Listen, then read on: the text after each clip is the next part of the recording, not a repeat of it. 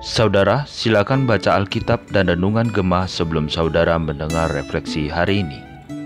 Shalom jemaat yang dikasihi Tuhan. Kita bersyukur kita mendapatkan sebuah anugerah lagi, kesempatan lagi untuk kita boleh bersama-sama merenungkan firman Tuhan. Saya mengajak setiap kita untuk bersatu dalam doa terlebih dahulu. Bapak yang baik, kami mengucap syukur jika pada hari ini Tuhan memberikan kami sebuah kesempatan yang begitu indah sebuah anugerah di mana kami boleh sekali lagi merenungkan firman Tuhan.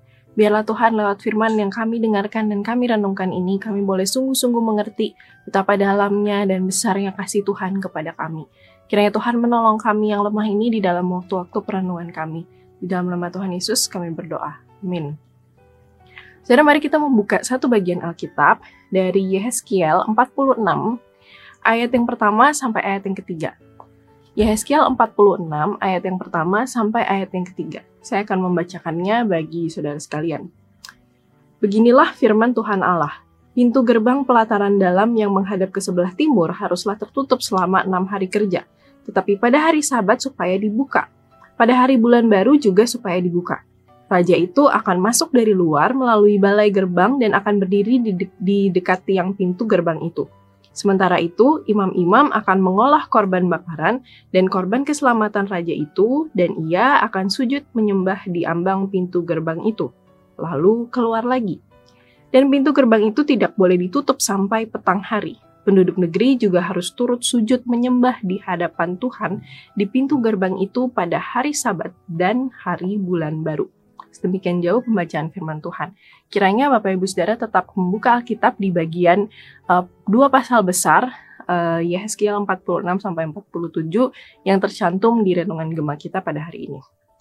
Saudara, salah satu hal yang dibicarakan di dalam bacaan Alkitab hari ini adalah tentang korban bakaran di bait suci yang ada di dalam penglihatan Nabi Yehezkiel. Saudara, di pasal 40, Nabi Yehezkiel itu melihat sebuah bait suci Bait suci ini dikelilingi oleh pelataran. Uh, di bagian dalam ada tiga pintu gerbang, masing-masing satu. Sebelah utara, sebelah selatan, dan di sebelah timur. Pelataran di dalam ini tuh dikelilingi oleh pelataran luar. Jadi bagian dalam ada tiga, kemudian di bagian luarnya itu ada yang mengelilingi. Nah, yang mengelilingi bagian luarnya ini adalah pintu gerbang. Pintu gerbangnya juga ada tiga di sebelah utara, sebelah selatan, dan, dan di sebelah timur. Nah, kemudian di pasal 43 dijelaskan bahwa kemuliaan Tuhan kembali ke bait suci dari sebelah timur dan masuk ke bait suci melalui pintu gerbang sebelah timur. Nah, dan pada hari ini di bagian yang kita baca di dalam penglihatan dari si Nabi Yehezkiel ini, kita melihat bahwa gerbang timur, gerbang yang tadi di pasal sebelumnya kita lihat bahwa kemuliaan Tuhan masuk dari gerbang timur, dari pelataran timur itu. Nah, ternyata bagian timur ini akhirnya itu diperlakukan dengan cukup sakral. Bagaimana kita melihatnya? Kita melihatnya bahwa pintu gerbang pelataran yang sebelah timur itu harus tertutup sepanjang hari.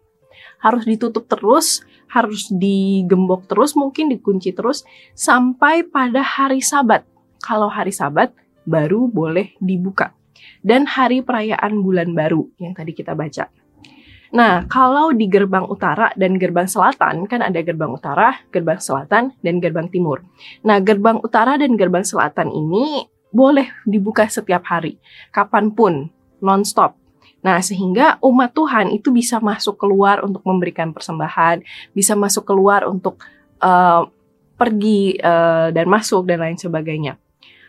Nah, kalau pintu gerbang sebelah timur itu suatu saat dibuka ketika tadi hari Sabat atau hari perayaan bulan baru, nah hanya raja yang boleh masuk. Hanya raja yang boleh masuk. Selain itu, pintu gerbang timur ini juga bisa dibuka kalau raja itu sewaktu-waktu mau memberikan persembahan sukarela. Baru pintu ini boleh dibuka. Kenapa? Ya karena memang hanya raja yang boleh masuk lewat pintu gerbang sebelah timur ini.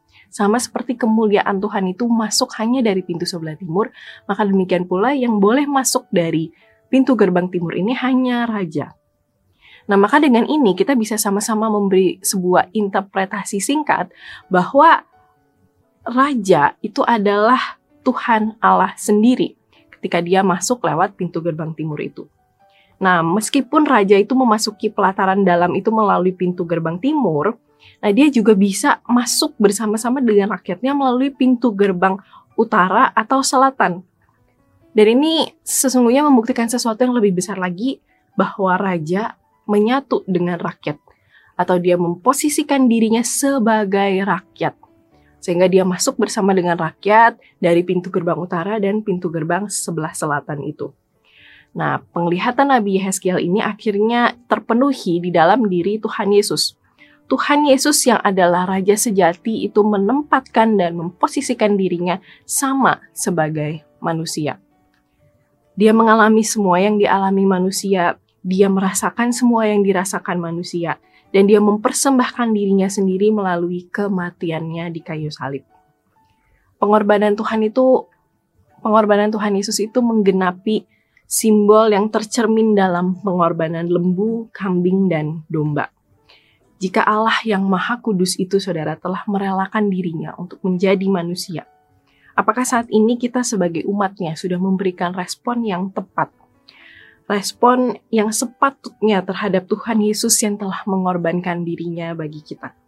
Saudara, jika nyawanya saja ia berikan kepada kita, maka apakah ada hal yang terlalu besar sampai tidak rela kita berikan kepadanya? Mari kita bersatu dalam doa. Tuhan Yesus, kami mengucap syukur Tuhan untuk firman yang sudah kami renungkan bersama.